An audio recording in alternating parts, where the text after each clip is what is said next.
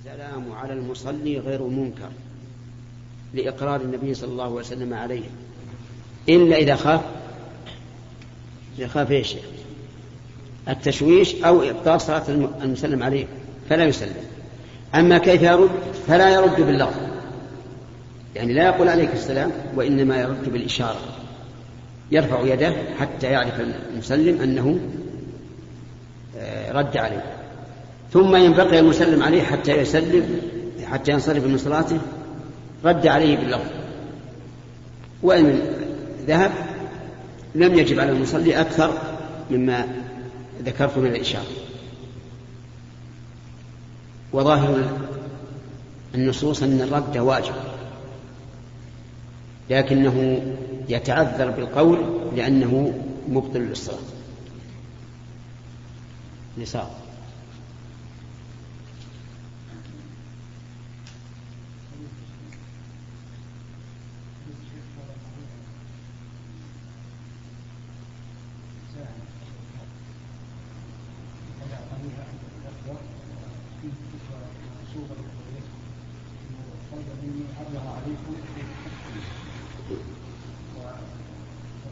على سؤال حول الاستفسار في اسم الفساد اجاب حفظه الله من جميع يفيدكم بان ما يفتح المساهمه على قسمين القسم الأول ان تكون مساهمه في شركات ربويه انشئت أصلا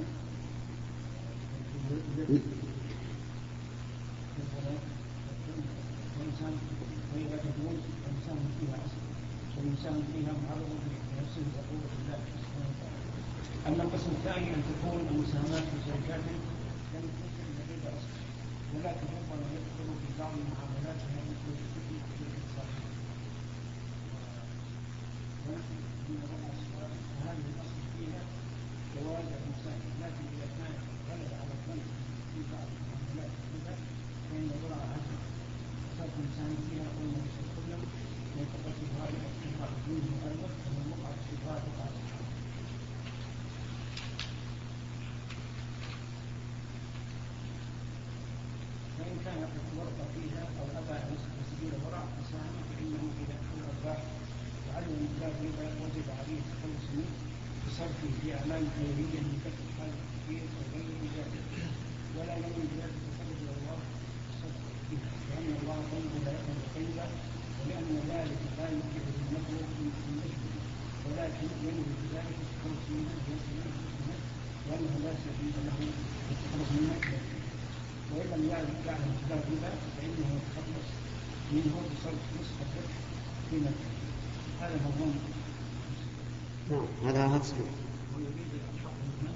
الجواب صحيح.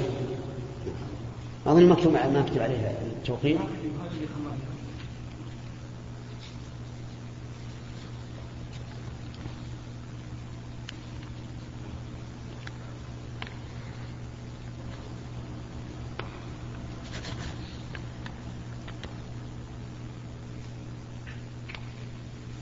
طيب الصور بعد التقنية. نعم اليمين. يا الشيخ بارك الله فيك. هل صحيح أن الرجل إذا خرج إلى الصلاة وأولاده في البيت ولم يأمرهم بالصلاة أنه لا صلاة له؟ وبعضهم ينسب هذا إليك. ليس بصحيح. هذا ليس بصحيح بالنسبة إلي وليس بصحيح بالنسبة للحكم الشرعي. لكن يجب عليه أن يقيمهم وأن يؤدبهم وأن يضربهم على ترك الصلاة لعشر سنين فأكثر.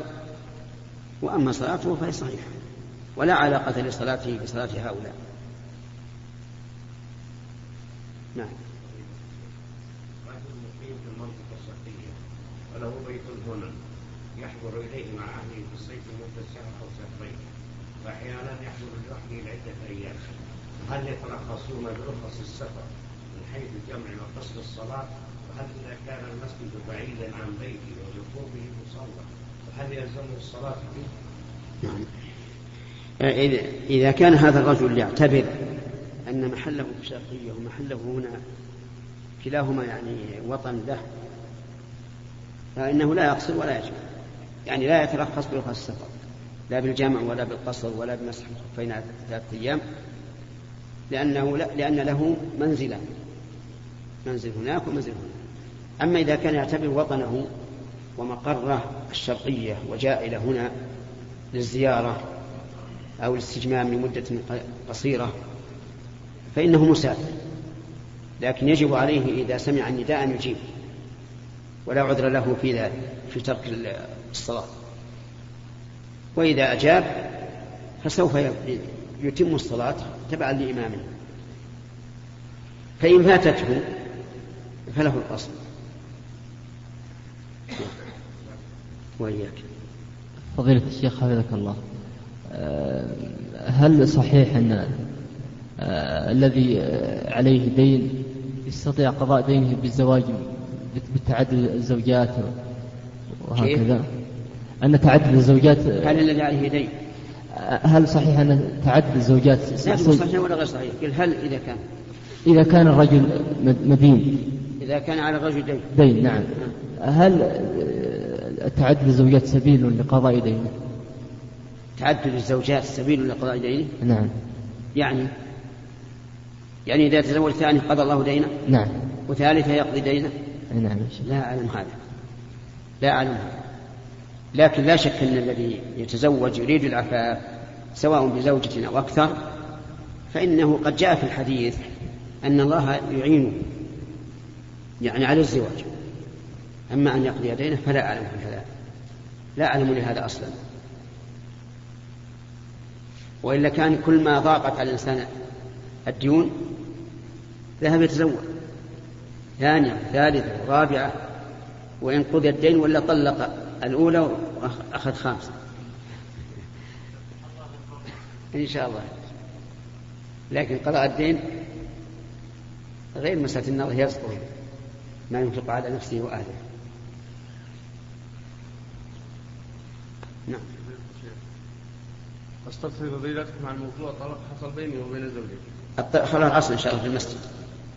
اي نعم لأن هذا يكتب وينسخ وينشر. يطبع.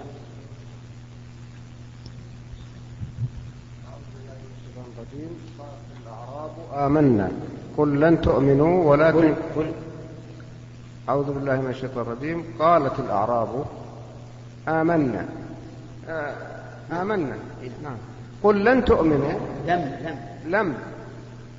لم إيه أنا لم تؤمنوا ولكن قولوا أسلمنا. ولما يدخل الإيمان في قلوبكم. وإن تطيعوا الله ورسوله لا يلدكم من ورسوله, ورسوله لا يلدكم من أعمالكم شيئا. إن الله عليم خبير. أنا عمرك في تفسير الجزء الأخير من الآية. وإن تطيعوا الله ورسوله الطاعة محسوبة على الإسلام طبعا لأنها فهل تعني هذه الآية أن الذين سألوا الذين قالوا آمنا ينفع إسلامهم بدون إيمان؟ يفيدهم يعني؟ اعتمادا على لا يلدكم من أعمالكم شيئا تطيعوا الله؟ هذه الآية آه، قال قوم من الأعراب آمنا قل لم تؤمنوا ولكن قولوا أسلمنا اختلف المفسرون في هذه الآية. هل المراد المنافقون أو المراد المؤمنون ضعيف الإيمان؟ والصواب أن المراد المؤمنون ضعيف الإيمان. ولهذا قال ولما يدخل الإيمان في قلوبكم يعني وهو قريب من أن يرج فيها ويستقر. فالصواب أنها في غير المنافقين وأنها في قوم ضعفاء الإيمان. فقال الله تعالى قل لم تؤمنوا أي لم يصل الإيمان إلى قلوبكم ولكن قولوا أسلمنا أي عملنا بالإسلام ظاهرا. ولما يدخل الإيمان في قلوبكم يعني لكنه قريب. ولهذا قال الله تعالى بل لما يذوقوا عذاب أي لم يذوقوه ولكنه قريب منه. وإن تطيعوا الله ورسوله يعني إذا أتيتم بشيء من الطاعة لم يلتكم أي لم ينقصكم من أعمالكم شيئا فسوف يجازيكم عليها. وإن لم تقولوا أسلمنا. حتى ولما ولم حتى ولو لم يكن الإيمان. أما الذي ليس في قلبه إيمان أصلا هذا ما, ما ينفع العمل الصالح لا ما في قلبه إيمان كامل. هذا المراد بها هذا الصحيح. أما إذا قلنا المنافقون اللي ما فيهم إيمان أبد هذا ما ما, ما عندهم عمل صالح. لو فعلوا ما ينفع. نعم. أي نعم نعم ينفع. ربما يكون عمل الصالح يقوي إيمانه ويزداد. فضيلة الشيخ آه، يسأل السائل يقول آه، حج مع والديه إفراد. واتجه حج حج مع والديه فرد من الأفراد. مفردا. آه حج مع والديه يعني. إيه مفردا. شخص إيه. شخص مع والديه والده وامه وأبوه حج مفردا. واتجهوا إلى عرفات في البداية مباشرة. وباتوا في مزدلفه ولكنهم يوم العيد اتجهوا إلى مكة وسعوا سعي الحج ولم يطوفوا الإفاضة حتى يجمعوه بين مع الوداع لعجز والديه ثم حلقوا ثم تحللوا ثم رموا جمرة ال- الجمرات يوم العيد. لا شيء فيها. لا شيء عليه؟ لا شيء في هذا يعني إذا أحرم الرجل بالإفراد أو بالقران وخرج إلى عرفة ووقف بها ثم بمزدلفة ثم قدم إلى إلى منى ونزل إلى مكة وطا وسعى سعي الحج نعم. وأخر الطواف إلى عند السفر فلا حرج. بس يتحلل هو يا شيخ. يتحلل بالرمي والحلق أو التقصير. قبل- تحلل قبل الرمي. لا لا تحلل قبل الرمي إذا كان جاهلا لا شيء عليه.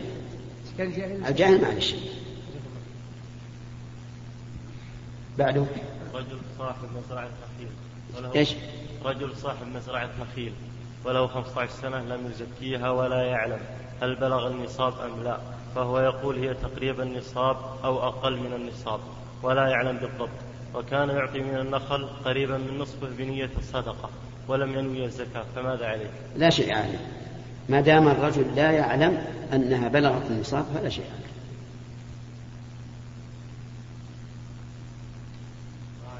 يعني من شرط وجوب الزكاة بلوغ النصاب. ما عليه ما عليه شيء. يعني يقول ما أدري هو الطلع قليل ولا ولا كثير كذا؟ شيء فضيلة الشيخ أحسن الله إليك. إذا اغتسل شخص للتبرد غسلا مجزئا هل يكفيه عن الوضوء؟ وإن لم يكفيه فما هو الغسل الذي يكفي عن الوضوء؟ وهل لا بد فيه من النية التبرد ليس عبادة وليس طاعة فإذا اغتسل التبرد لم يجزئه عن الوضوء. الذي يجزي عن الوضوء هو الغسل من الجنابة. أو غسل المرأة من الحيض والنفاس لأنه عن عن حدث. وأما الغسل المستحب كالغسل عند الإحرام مثلا فإنه لا يجزي عنه. وكذلك الغسل الواجب لغير حدث كغسل يوم الجمعة لا يجزي عن الوضوء لا يجزي عن الوضوء إلا الغسل ال- الذي يكون عن حدث جنابة أو حيض أو نفاس. نعم. لو نوى لأنه لا بد من الترتيب. طيب والغسل عن حدث لا بد من النية. ها؟ الغسل إذا اغتسل لا غسل حدث. الحدث إذا إذا نوى الغسل عن الجنابة كفى. كفى عن الوضوء. لقول الله تعالى وإن كنتم جنبا فاطهروا ولم يذكروا الوضوء. نعم. لا ما تسأل مرتين ما تسأل مرتين حتى لو كنت راجل إلا إذا انتهت الأسئلة فلا بأس فضيلة الشيخ الجلوس في العزاء هل هو حرام؟ وإذا كنت لم أذهب إلى إنسان جلس في العزاء سوف يكون في نفسه شيء فهل أذهب إليه؟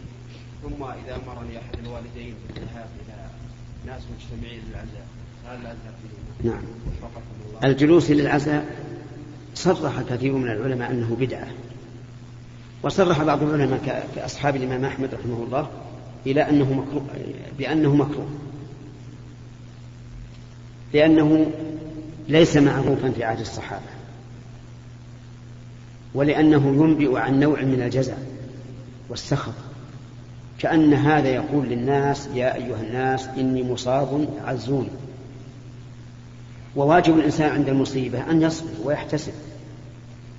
ويعلم أن لله ما أخذ وله ما أبقى وأن كل شيء عنده بأجل مسمى.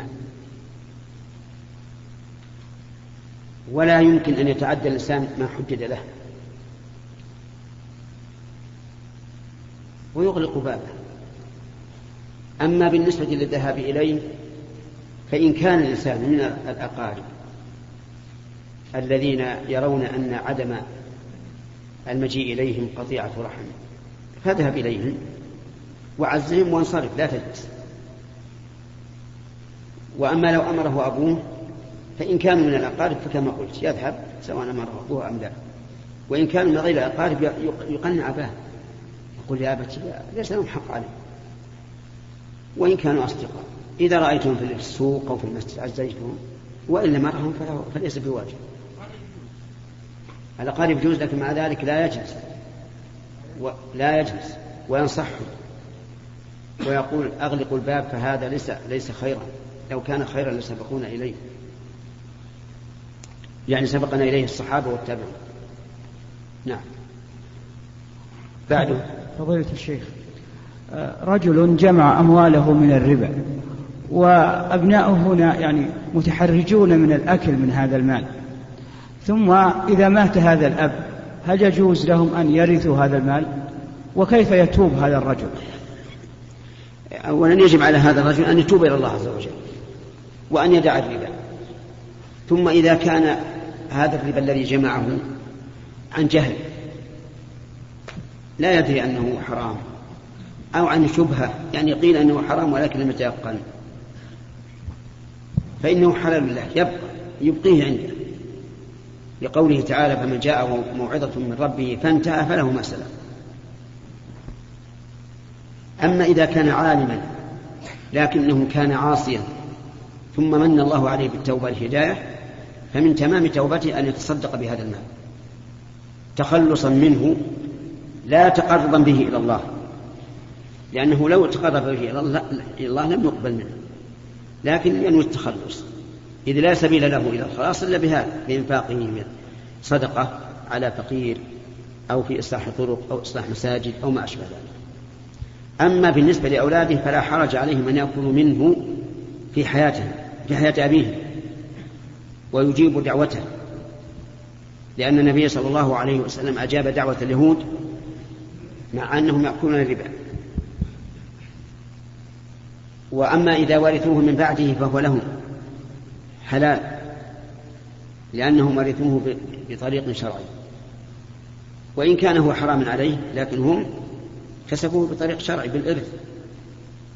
وإن وإن تبرعوا وتصدقوا به عن أبيهم فلعل الله سبحانه وتعالى أن يجعل هذه الصدقة آه، تمحو ما قبلها من السيئات. نعم.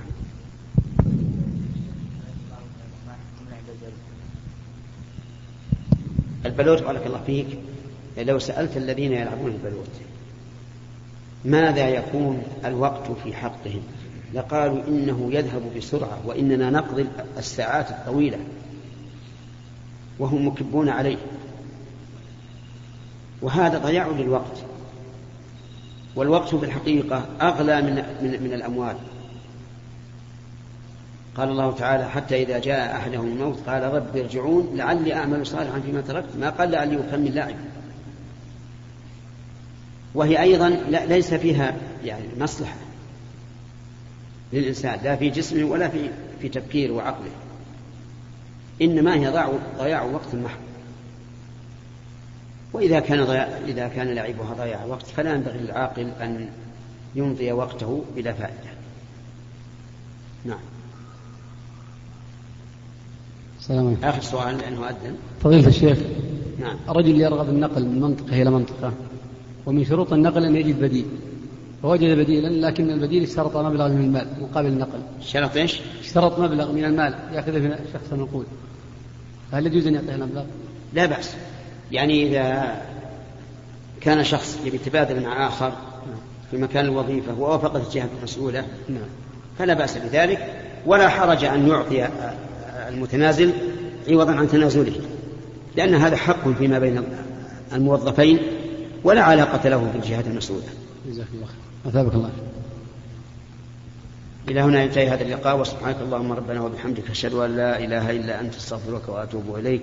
نفعنا الله وإياكم بهذه بهذا الجلوس وجعلنا وإياكم ممن يمشون لطلب العلم حتى يكتب لنا الأجر. بارك الله فيكم.